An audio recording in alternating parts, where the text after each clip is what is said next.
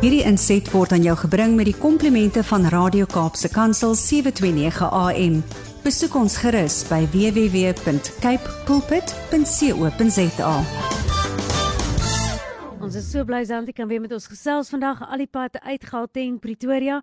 Sy self is jy haar nog nie ken nie internasionale spreker. Sy is die stigter van die projek Babies Behind Bars en ook motiveerder. Sy's besigheidsvrou en voormalige vrou Verenigde Nasies internasionaal.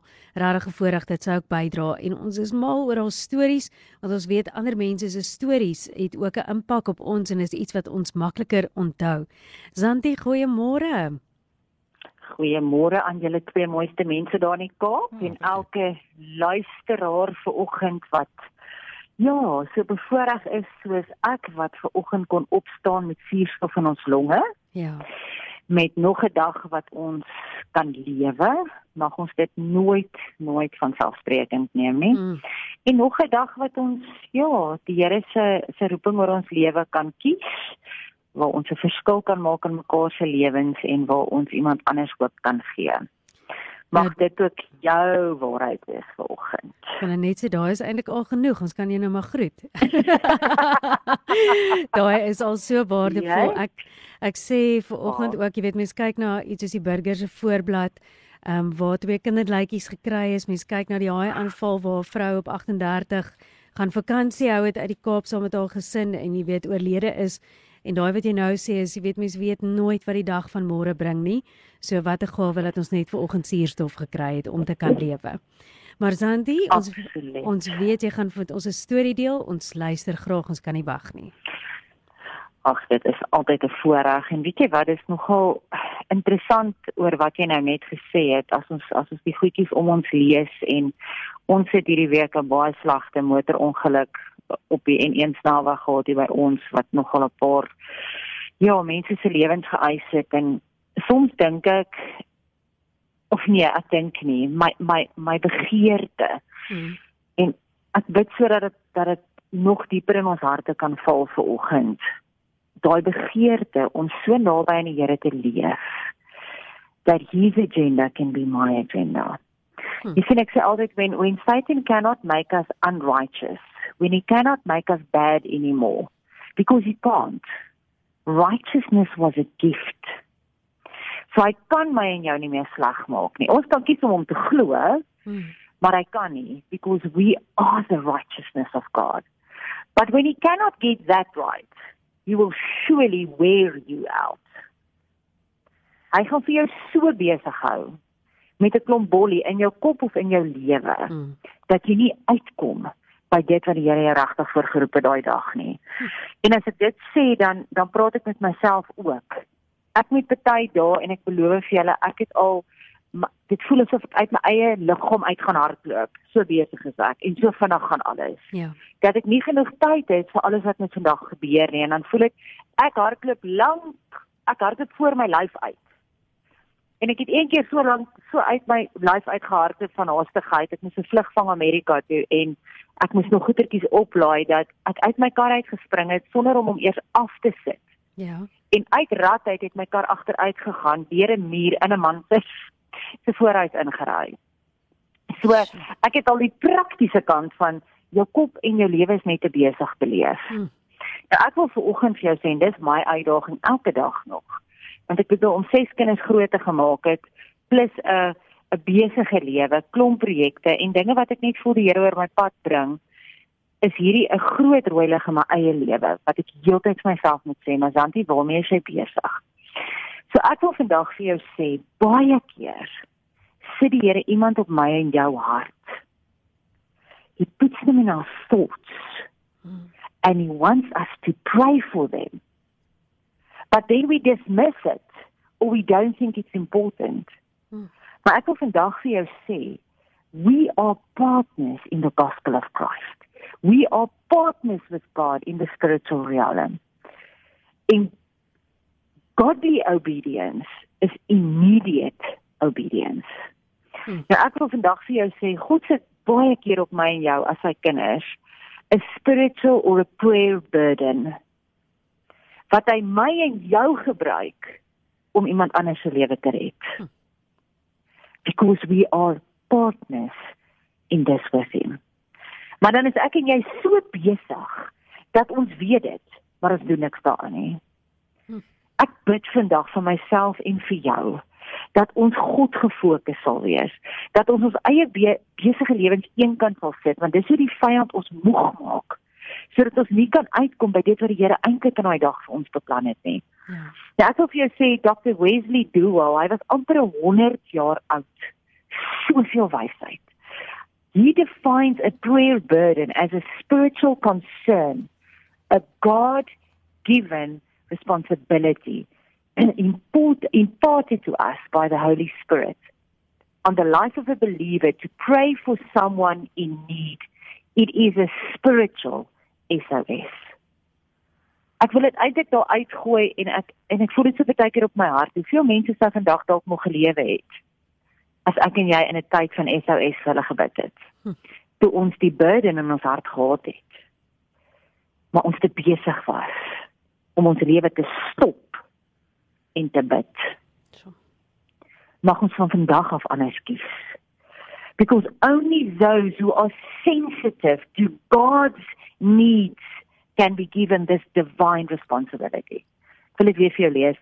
Only those who are sensitive to God's needs can be given this divine responsibility. Consecration and the dependency on the Holy Spirit often determines the regularity with which the Holy Spirit imparts burdens on us. Hmm. The deeper our consecration, the more easily we can hear the direct instruction of the Holy Spirit of God. Sensitive assignments in the realm of the Spirit are given to serious minded people who will not fail God. Kan julle ook hmm. saam met my hoor dat God has needs. He needs us. And he gives sensitive assignments to serious minded people who will not fail him. Hmm. Ek los jou vanoggend met 'n storie wat joh, dit het net my weer so diep geraak en ek wil dit baseer op woord. Jy weet Filippense 1:5 sê en ek het dit nou nou ook gesê, because of your partnership in the gospel from the first day until now. Sê Paulus bid hy vir ons. En het hy vir sy mense gebid. To live a consecrated life needs to be devoted and dedicated to set apart for a higher end. Julle mag ek en jy as mense geken word that he gets these sensitive assignments that don't fail God, that listens to his needs en wat sodoende SOS prayers vir mense bid en hulle lewens red. God se wil vir ons, nê. Nee. Ek los jou met hierdie storie. It's a story of a British chaplain who had a deep impression to pray. He was on a troop ship on the English Channel. Security reports did not report any danger that day. Nevertheless, the chaplain began to pray immediately. Why? Because godly obedience is immediate obedience. Hmm.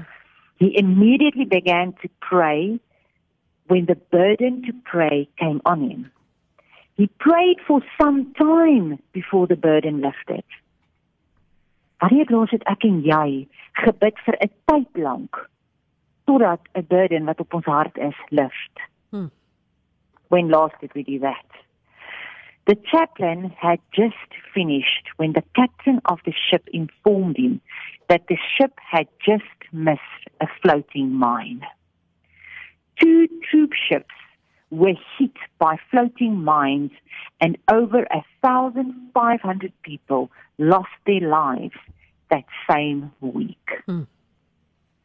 God used his servants that day to save the lives of the people in this ship. Hm. Ek wil vandag vir jou sê, hoeveel keer het ek en jy in die kar gery? En dan ewe skielik kom iemand se gesig net in ons gedagtes op. Ewe skielik is daar net so 'n swaar las op my hart.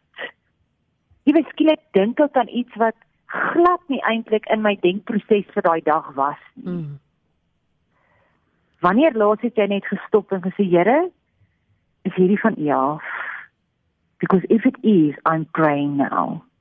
Ek stop alles waarmee ek besig is en ek bid. Ek bid. Ek wil vir jou vertel van 'n op 'n storie met ek oor oor die dit was seker so 5 jaar terug. Mm. Praat ek praat ek met julle ek het met Brad en en gepraat daai dag en ek praat oor dat ons vir mense met bid as hulle in ons gedagtes opkom. En soos wat ons praat kom daar iemand in my gedagtes op toe ek die foon neersit ja. en ek bid dadelik vir daai kind. Dis een van my my um studente kinders se vriendin gewees. Ja. En dit was seker 2 ure daarna toe bel my vriendin my. Sy sê sy vir my haar kind was in 'n motorongeluk en die motorongeluk het so gebeur dat dit eintlik nie moontlik was dat sy kan oorleef het nie. Maar daar was 'n kerkkampgroep wat agter haar gery het. En die ongeluk het voor hulle gebeur en hulle was vinnig genoeg by haar om haar lewe te kon red. Ja. En ek wil net vir jou sê, nee, God is not a respecter of persons. Maar hoeveel keer het ons nie daai yearning en daai prompting in ons gees en dan dismiss ons dit nie. Of ons is te besig of ons het nie tyd nou nie. Mag ek en jy goeie partners wees. Maybe be sensitive to God's needs through us. Hmm. Maybe be sensitive for his assignments through us. May we not fail him when he needs us because he chooses to do this with us, through us. May we not be found asleep or with no oil in our lamps. Hmm. May we always be in his service first. En dan werk ons vir ander mense. Mag die Here ons die genade gee om so 'n lewe te kan leef. Amen. Santi, dankie vir die olie in jou lamp. Jy raak ons luisteraars aan een wat ook sê Santi praat so uit die hart van ons Vader en hulle sê dis so kosbaar wat jy deel en ons waardeer jou en dan tot volgende week jy met 'n heerlike dag hê. Dankie vir julle ook dat uh Hierdie inset was aan jou gebring met die komplimente van Radio Kaapse Kansel 729 AM. Besoek ons gerus by www.cape pulpit.co.za.